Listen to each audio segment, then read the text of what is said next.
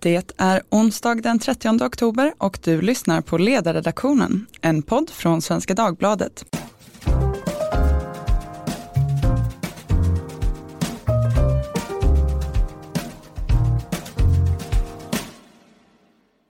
Jag heter Katarina Karkainen och idag ska vi prata om arbetskraftsinvandring.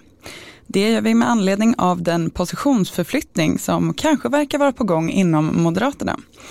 I regeringsställning så införde partiet mer generösa regler för arbetskraftsinvandring till Sverige.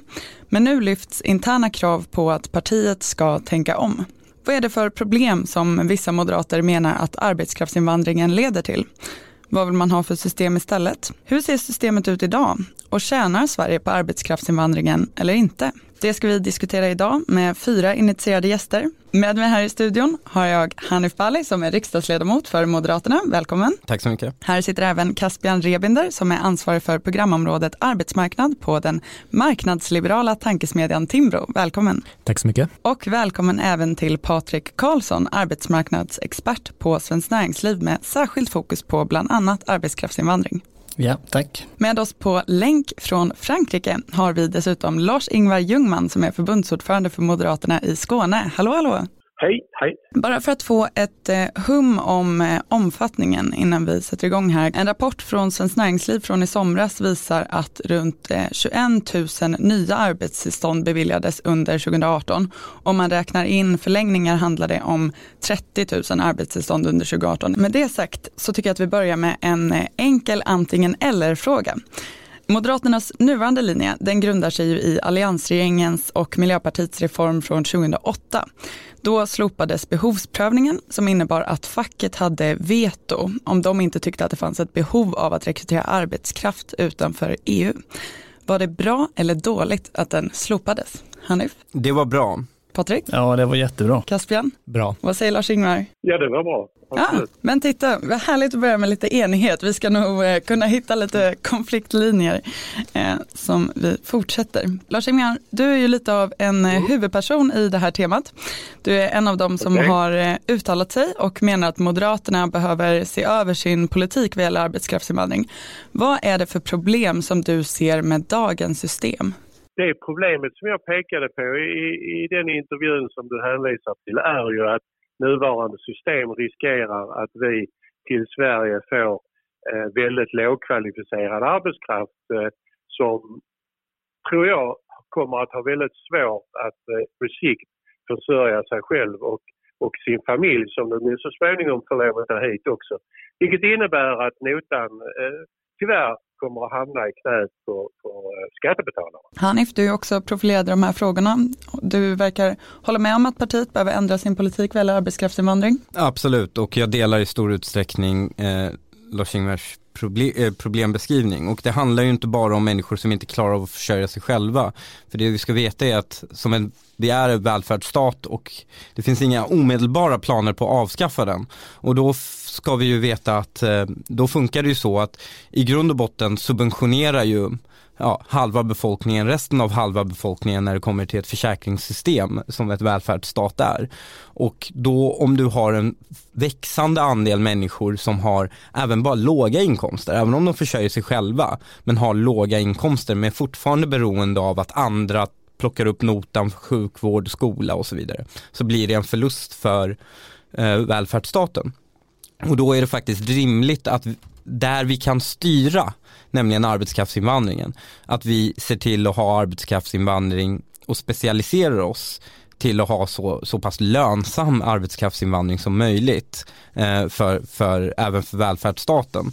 Eh, och, och, eh, och det tror jag kokar ner till att det är en dålig idé att Eh, som idag till exempel plocka in folk som eh, har väldigt, väldigt låga inkomster. Som jag ser det, jag har försökt sammanfatta det bara eh, för mig själv, så kretsar kritiken av dagens system kring ett antal olika saker. Det är dels anhöriginvandringen. Ehm, det är det faktum som du var inne på nu, ehm, Hanif, att man menar att arbetskraftsinvandringen kostar pengar för skattebetalarna. Det är det att människor som kommer hit eh, utför jobb som egentligen inte behövs eller som hade kunnat utföras av människor födda i Sverige. Och det är det att eh, människor som tas hit som arbetskraft på olika sätt skulle utnyttjas. Jag tänker att vi eh, börjar med att bena i anhöriginvandringen. 2018 så fick fick 15 371 personer uppehållstillstånd som anhöriga till personer som arbetskraftsinvandrat till eh, Sverige.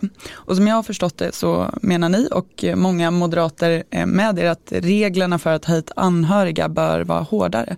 Vad är problemet idag och vad är den förändring som ni skulle vilja se?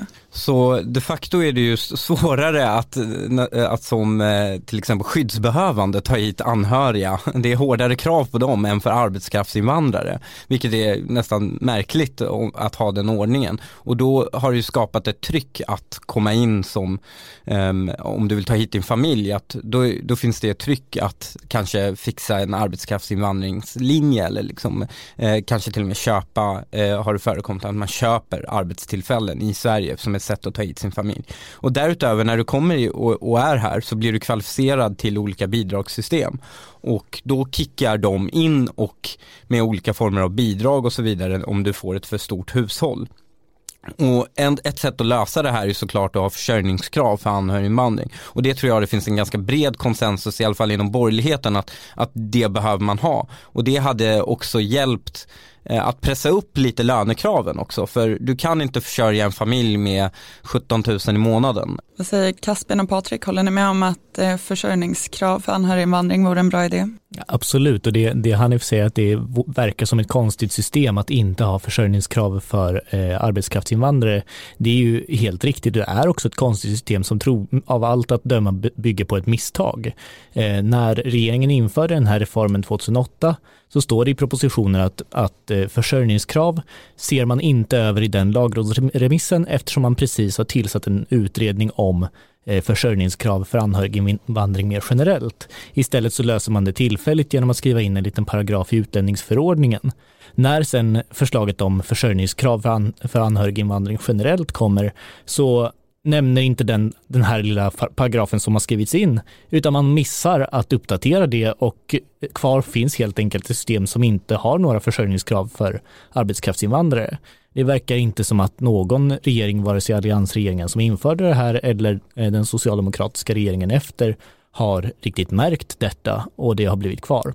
Men det vore absolut, det är klart att man ska försörja sig om man kommer hit som arbetskraftsinvandrare, inklusive om man kommer hit med sin familj. Jag tycker också det är ett rimligt krav. Eh, det finns ju ett försörjningskrav idag och det går ju naturligtvis fundera på om det behöver då stärkas. Jag tycker att man också kan fundera lite över volymerna över de här 21 000 som vi nämnde inledningsvis här då 18 så vet vi att det är ja, det är ungefär 2000 till 2500 individer som fyra, fem år senare är kvar och får ett permanent uppehållstillstånd. Så nästan alla arbetskraftsinvandrare är ju här temporärt. De kommer hit, jobbar ett år inom IT-industrin eller så kommer de som säsongsarbetare och sen åker man tillbaka. Så det är en väldigt liten andel av arbetskraftsinvandrare som faktiskt kvalificera för ett permanent uppehållstillstånd. Det, det framställs ibland som att det liksom väller in människor som kan kannibalisera på våra system och det tycker jag är en väldigt kraftig överdrift. Mm. Tänkte vi ska prata lite om något som angränsar till den bilden, för det verkar ändå som att det finns ett ganska stort konsensus kring just anhöriginvandringen. Eh, men många, bland annat låter det lite som på dig Hanif, menar jag också att arbetskraftsinvandringen i sig utgör en kostnad eftersom den sammantagna bilden ändå är att den mer lågkvalificerade arbetskraft som kommer hit kostar mer än vad de bidrar med i någon slags samhällsekonomisk Absolut. kalkyl. Um, det, det, finns ju olika sätt att räkna på det här. Räknar man till exempel för företagen så är det inte nödvändigtvis så att det här är en förlust. Alltså tittar man på, men tittar man på eh, Eh, för en välfärdsstat som är de facto en försäkringsmaskin så är det inte såklart, det förstärker ju inte statskassan direkt på det sättet för att eh, vad du gör ju att om du har Eh, en lågkvalificerad med låg lön och den förväntas ha också ha väldigt låg lön tills den går i pension eh, och, och får permanent uppehållstillstånd här i Sverige. Så är det ju delvis pensionsåtaganden och försörjningsstödsåtaganden men också åtaganden för dens barn och sannolikheten att det här barnet då gör en ganska bra klassresa i nuvarande samhällsklimat är ju ganska lågt. Um, och, och, så det här bidrar ju till eh, ex, externa kostnader som är ganska svåra att räkna på. Men vi vet ju redan idag att barn till lågkvalificerade arbetare har eh, inte nödvändigtvis är en, eh, en plusaffär. Men så funkar ju eh, en, en, liksom, en stat är ju inte, en, det är ju inte ett företag. Man tar ju ansvar för de som så att säga är här och då har vi en omfördelning som existerar. Men vad det är dumt att göra det är att medvetet fylla på med ja, men premietagare eller försäkringstagare som inte kan fylla sina, betala sina premier. Um, och det är därför det inte bara räcker med att man får lön och inte uppbär bidrag utan det måste också vara en, ett positivt tillskott till statskassan. Patrik, du har varit med och författat en rapport från eh, Svenskt Näringsliv om den här relationen mellan arbetskraftsinvandring och ekonomi och både eh, ekonomin i stort och i relation till eh, statsbudgeten, det vill säga eh, skatteintäkter. Vad drar ni för slutsatser i den? Ja, den rapporten visar ju att eh, baserat på den arbetskraftsinvandring vi har idag eller hade för 2018 så är det ett ganska kraftigt nettotillskott till BNP och också nettotillskott till, eh, till, eh, ja, men till statskassan egentligen och skatteinbetalningar betalningar. Eh, och eh, jag håller ju med han i hans resonemang kring mm, det här med vissa arbetskraftinvandrare bidrar naturligtvis mer därför de har högre löner. Så är det ju med oss svenskar också beroende på vilken inkomst man har. Men man får inte heller glömma bort den andra sidan att skulle vi inte ha den här arbetskraftsinvandringen till exempel till eh, skogsnäringen där kanske lönen är lite lägre, till bärplock där lönen är lägre och så vidare. Då får vi ett produktionsbortfall som blir ett negativt Eh, bidrag till BNP. De branscherna hittar ju då inte arbetskraften som kan utföra de arbetsuppgifterna och de kan inte utföra dem på ett, eh, på ett produktivt sätt. Så de behövs ju väldigt, eh, väldigt tydligt i näringslivet. Jag håller med i grund och botten att vi, i vissa, till exempel bärplockning, ehm, då, då, är det vissa som förenklar det här och säger, ja men varför kan inte svenskar plocka bär? Och orsaken till varför svenskar inte kan plocka bär är för att hela systemet, det, det är som oljeplattformar. Det är inte lönsamt att bo på en oljeplattform 24 timmar om dygnet i flera månader och sen får du vanlig lön som en vanlig svetsare, utan de får ju tre gånger så högre löner. Och sen kommer de att leva på de pengarna resten av året. Eh, och ungefär så funkar de här jobben för till exempel thailändare. Du får kanske 18 000 eller 20 000 kronor för att jobba en månad där. Men då är du alltså 24 timmar om dygnet i någon skog i Norrbotten. Det är inte så jättemånga som är sugna på att göra det. Och sen när du, om du tjänar då 20 000 på det och kommer tillbaka till ja, men Stockholm där du bor egentligen, de pengarna räcker ju inte länge. Medan om du åker till Thailand så kan du ju leva halva året på de pengarna. Så, så det finns en viss skillnad på då de temporära feriearbetarna som, som finns och man borde kanske ha ett särskilt spår för dem för att se till att de här industrierna inte tar eh, stryk. Men det kan inte bli så att liksom eh, ja, diskplockare i, i Stockholm, liksom, att, det, att, att de kan glida in på en räkmacka när det kommer till sådana jobb. Eh, bara för att vi har behov av bärplockare i Norrbotten. Eh, jag tycker att man bör utarbeta ett system som, som, eh, som inte heller bygger på det nuvarande, nämligen det nuvarande bygger på att det är enormt mycket ansvar och um, tyngd läggs på den enskilda handläggaren på, eh, på Migrationsverket. Eh, om den gör ett misstag eller om den upptäcker ett misstag och så vidare. Eh, och, och, det kan få enorma konsekvenser. Det är mycket bättre att bygga ett system eh, där det är lite automatiserat, nämligen man har lönenivåer man går efter eller sektorer eh, som man gör undantag för de här lönenivåerna på. Istället för att ha det här ganska, det, det, här skapar en stor osäkerhet för företagen också, för ibland blir ju företagen, men vad är en skälig lön till exempel? Inom it-branschen vet vi ju det. Att då, då vill man anställa en programmerare och då vet man inte vad är en skälig lön för en programmerare och facken vill inte säga vad som är en skälig lön för en programmerare heller. Eh, och det skapar en väldigt stor osäkerhet också. Det är bättre att ha mycket mer generella regler. Generella regler men möjligen olika system för diskare och bärplockare. Vad, vad säger ni, någon som vill komma in? Ja, men alltså jag, jag skulle vilja peka på en sak som jag, eh, jag hörde ju att någon i, i, i studion pratade om att det är ganska små volymer. Och vi pratar om egentligen och, och det kan det ju mycket väl vara. Däremot är det ju så att jag tror kanske att idag är väldigt, eller inte särskilt många införstådda med vilken, vilka enorma problem som inte minst våra kommuner står inför. Alltså vi har idag ett fortsatt eh, flyktingmottagande eller invandringstryck som är större än vad både Danmark, Norge och Finland har tillsammans.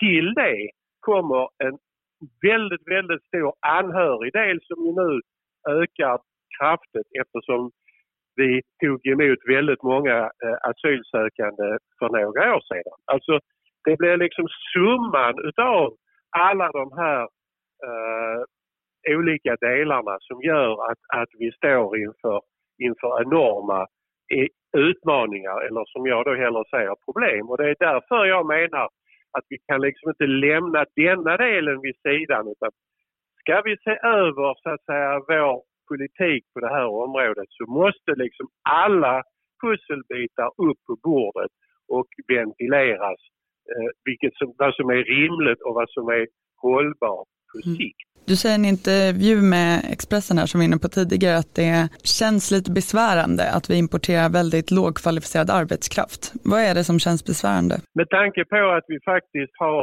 en väldigt, väldigt stor andel i, vår, eh, i, i de som idag är arbetslösa i Sverige som just saknar utbildning. Alltså eh, väldigt många talar ju om att för att vi överhuvudtaget ska kunna komma eh, Typ till bukt med den arbetslöshet vi har idag så behöver det skapas enklare arbeten och därmed också lägre löner. Eh, och då blir det, kan jag tycka, lite provocerande att vi samtidigt som vi säger det internt fortsätter att, eh, om än få, men dock fortsätter att eh, släppa in lågkvalificerad arbetskraft som tar just de jobben som de faktiskt behöver, de som redan är här.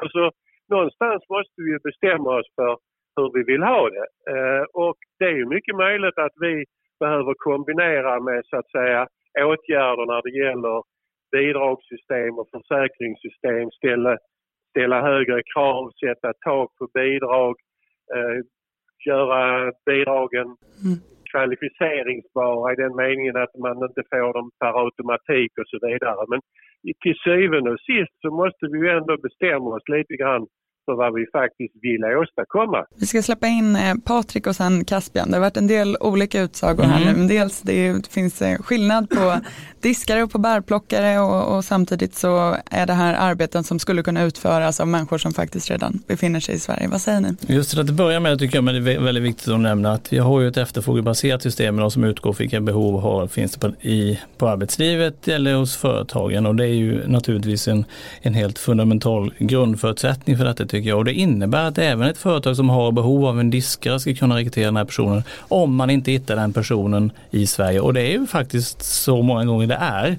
Var fjärde rekryteringsförsök misslyckas idag och det gäller även städare, diskare, lantbruksarbetare och så vidare. och Så vidare. Så de måste ha möjligheten att få tag på den arbetskraften man har behov av. Eh, sätter man en väldigt hög ribba för till exempel som, som han är inne på här med, med, med, inkomstkrav så måste vi komma ihåg att vi har löner i, fastslås i kollektivavtal i Sverige. Ska staten in och sätta de här eh, ribborna någonstans så kanske det blir helt i kollision med vad som faktiskt fastslås i de här kollektivavtalen. Då hamnar man i en situation där man ska betala högre lön till en eh, IT-specialist från Indien än om du betalar en svensk IT-specialist. Det blir helt orimligt.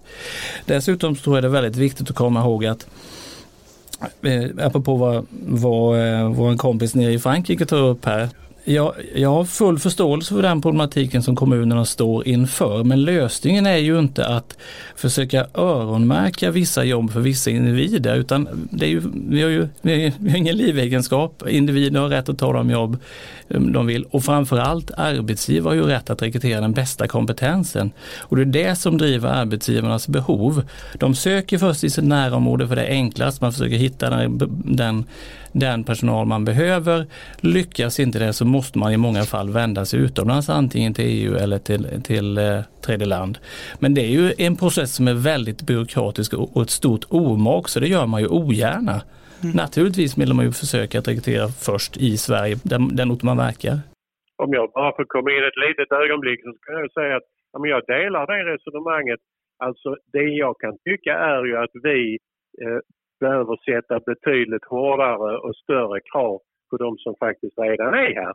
Att man också faktiskt försöker stå till arbetsmarknadens förfogande. Och där där menar jag att vi har väldigt lång väg att gå. Jag vill bara säga att det finns en fara i att tänka så här också. Alltså om man gör hela världen till sin arbetskraftsreserv, eh, som vi då gör, så när du har då statliga insatser, för det har vi gott om allt från rutavdrag till, till den här saker som ska hjälpa invandrare in i arbete och sen samtidigt ha hela världen som arbetskraftsreserv, samtidigt som de, de lågkvalificerade invandrare som kommit hit främst via asylsystemet, samtidigt som vi börjar pressa dem med lägre bidrag då får du en situation att du börjar pressa in, liksom, asylinvandrarna väldigt hårt samtidigt som företagarna har all incitament att ta emot lite mer kvalificerad arbetskraft från, eh, andra, från, från, andra länder. Och det har vi sett i rutsektorn exempelvis. Det är inga asylflyktingar som jobbar inom rutsektorn. Det är helt arbetskraftsinvandrare från antingen tredje land eller från Eh, som arbetskraftsinvandrare rakt in i RUT.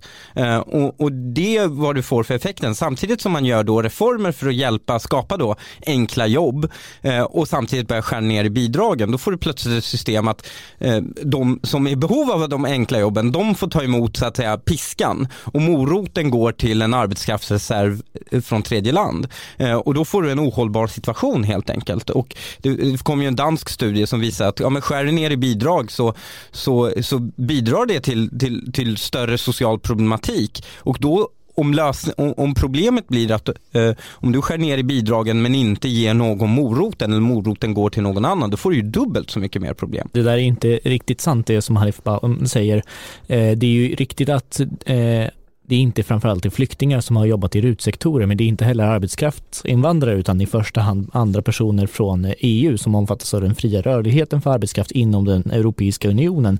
Men en lite bredare poäng som jag märker från flera olika håll, både i den här diskussionen och från många andra i den här debatten, är att man vill slänga in så många diskussioner som, som eh, möjligt och ta alla problem som man kan hitta. Man tar kommunernas finansiering, som Lars-Ingvar var, var inne på, som om problemet för kommunerna var att för få personer jobbar i dem man man tar hela skuggsamhället, alla, alla asylsökande som har fått avslag och arbetar svart buntas ihop från LOs sida med arbetskraftsinvandringen. Eh, för höga löner och för höga bidrag nämner Hanif Bali som eh, också ett kopplat problem. Och det är klart att det finns interaktion mellan olika politiska system. Man ska inte blunda för att eh, politi eh, olika politiska system påverkar varandra. Man ska inte heller tro att arbetskraftsinvandringen eller höjda eh, lö lönekrav på arbetskraftsinvandringen eh, eller eh, behovsprövning av vilka yrken som får och inte får komma är någon slags silverkula som kan lösa massor med andra problem, för det är det inte. Utan man bör kolla på den här frågan i sin egen rätt. Vilka personer är det som klarar sig på arbetsmarknaden, kan stå på egna ben, kan försörja sig själva och bidra till Sveriges ekonomi, till företagens kompetensförsörjning och det har också och låta dem komma hit. Och det har också väldigt positiva följdeffekter. Eh, man pratar ju gärna om att Eh, varför ska vi ta in arbetskraftsinvandrare när det finns många arbetslösa i Sverige? Jo, men i en eh, rapport som, kom, som också kom eh, från Danvad Analytics tillsammans med Svenskt Näringsliv för några år sedan eh, så visar de ju att eh, företag som anställer arbetskraftsinvandrare eh, jämfört med eh, en syntetisk kontrollgrupp med likadana företag i allt utom att de inte anställer arbetskraftsinvandrare växer snabbare och anställer fler även inrikes födda svenskar på sin arbetsplats. Det finns ingen motsättning här mellan att göra det enklare att anställa och att fler ska få jobb, och, utan tvärtom hänger de ofta ihop. Men återigen, då, då kan jag anklaga så att säga, motparten för att göra samma sak, för då slänger man in de här indiska ingenjörerna och sånt som, som ingen har någon problem med. Som ingen, och sen använder man den enorma produktivitetstillväxt de, de bidrar med, eh, med högkvalificerad invandring, med just, man pratar om att få tag på kompetenser man behöver. Och sen blandar man in det med diskplockare i Stockholm och, och, och, och lågkvalificerade marginaliserade grupper. Och, och sen så blir debatten så att säga ännu mer förvirrad. Eh, om vi slänger in många faktorer så, så blandas det här ut också. Jag tror alla är helt eniga om att den kvalificerade delen är oerhört viktig, har enorma positiva effekter. Den lågkvalificerade delen finns det delar, viss del som är motiverad, men en viss del av den är problematisk, där den bidrar till fler problem än vad det löser.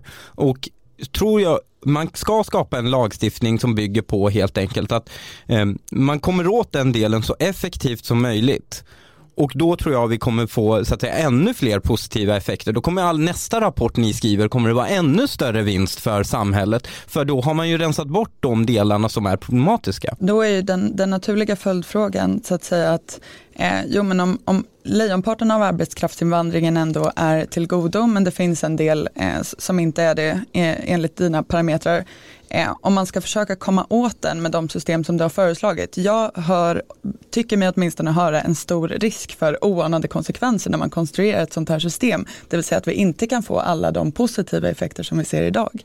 Eh, det, det, alltså det, det, finns så att säga risk för, och det har vi ju redan provat, det finns risk för problem med det nuvarande systemet också. Eh, det, det, man ska utvärdera efter är egentligen, man ska ha så mycket data som möjligt och sen försöka göra skärningen på, då, på det sättet att se var kan vi lägga ett inkomstkrav som skapar så, min, så, så, lite sociala problem och sociala kostnader för kommunerna som möjligt, som skapar så få externa negativa eh, effekter som möjligt. Och sen kan man lägga en, en rimlig lönenivå. Om jag jag skulle mellan tummen och pekfingret säga var en sån lönenivå skulle ligga, skulle jag ju säga runt 25 000 kronor kanske.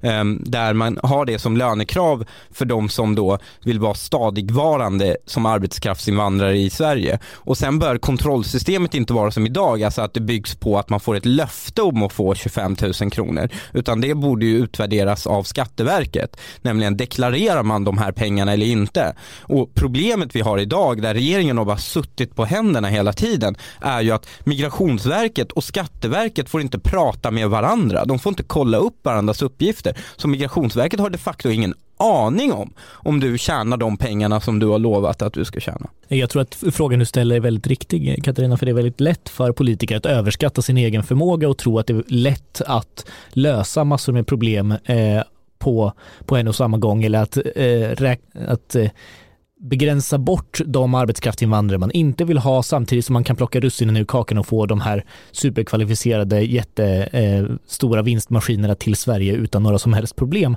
som om det var separata frågor. Men det, där visar ju OECD i en rapport som kom så sent som i år att eh, att arbetskraftsinvandrare, högkvalificerade arbetskraftsinvandrare söker sig gärna till Sverige för att vi har ett välfungerande system som är enkelt att förstå. Det går förhållandevis snabbt att få sitt tillstånd. Vi har inte kvoter, vi har inte krångliga bedömningar från politiskt eller byråkratiskt håll som de flesta andra länder har. Och det här är ju ett generellt system som vi verkligen ska värna som bidrar till väldigt mycket av de positiva effekter som dagens arbetskraftsinvandringssystem bidrar med till Sverige. En sån typ av begränsning skulle ändå i praktiken innebära att man faktiskt återinför en myndighetsbaserad arbetsmarknadsprövning. För då är det en myndighet som säger vilka företag får rekrytera vilka personer. Och vi har idag ett efterfrågebaserat system som utgår från det behov som finns i näringslivet och som faktiskt fungerar på stora delar väldigt, väldigt väl och som gör att företagen i den mycket tuffa situationen de har med att hitta kompetens faktiskt kan rekrytera de medarbetare de har behov av. Så det, jag tycker att det är helt fel väg att gå. Vi behöver alldeles strax eh, runda av. Det verkar ändå som att det är en hel del i rörelse vad gäller de här frågorna i Moderaterna. Eh, så att superkort, eh, först Hanif och sen Lars-Ingvar, om ni nu blev hörsammade av partiledningen, precis vilka förändringar är det som ni vill, skulle vilja se att de genomför? Eh, jag skulle vilja se eh, delvis ökade kontrollmekanismer, men det finns redan. Det har varit förslag till och med från hela alliansen i flera år nu.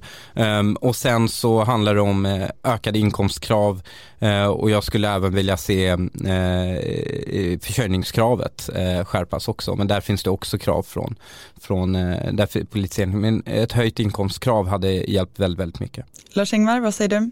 Ja, men jag instämmer i det här nu säger, alltså att, att eh, vi måste på något vis ändå kunna ha två eh, tankar i huvudet samtidigt. Dels inse att det här är stora drag är positivt för landet men det finns delar som vi vill komma åt, ja men då får vi ju ändra regelverket för att komma åt det negativa och ändå försöka behålla det positiva.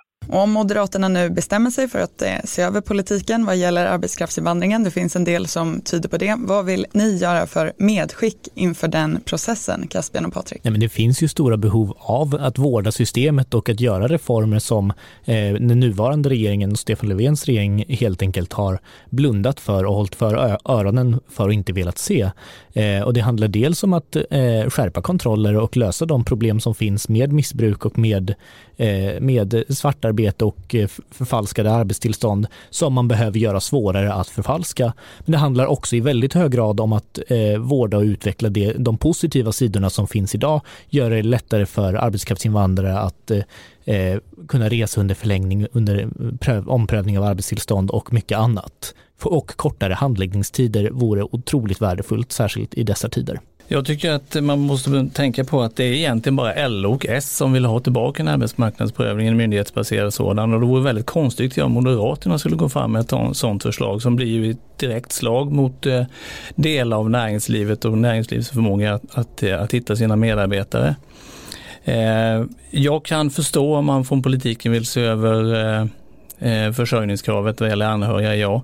Men fokusera istället på att hitta bra kontrollåtgärder där man hittar de problem som finns. Har svensk politik råd med ännu en ohelig allians? Det återstår att se och det återstår att se var Moderaterna landar. Med det behöver vi sätta punkt för idag. Tack så hemskt mycket till Patrik Karlsson, Caspian Rebinder, Hanif Bali och Lars-Ingvar Ljungman. Tack också till er som har lyssnat. Om ni har frågor eller idéer får ni som vanligt väldigt gärna höra av er till ledarsidan svd.se. Hej då!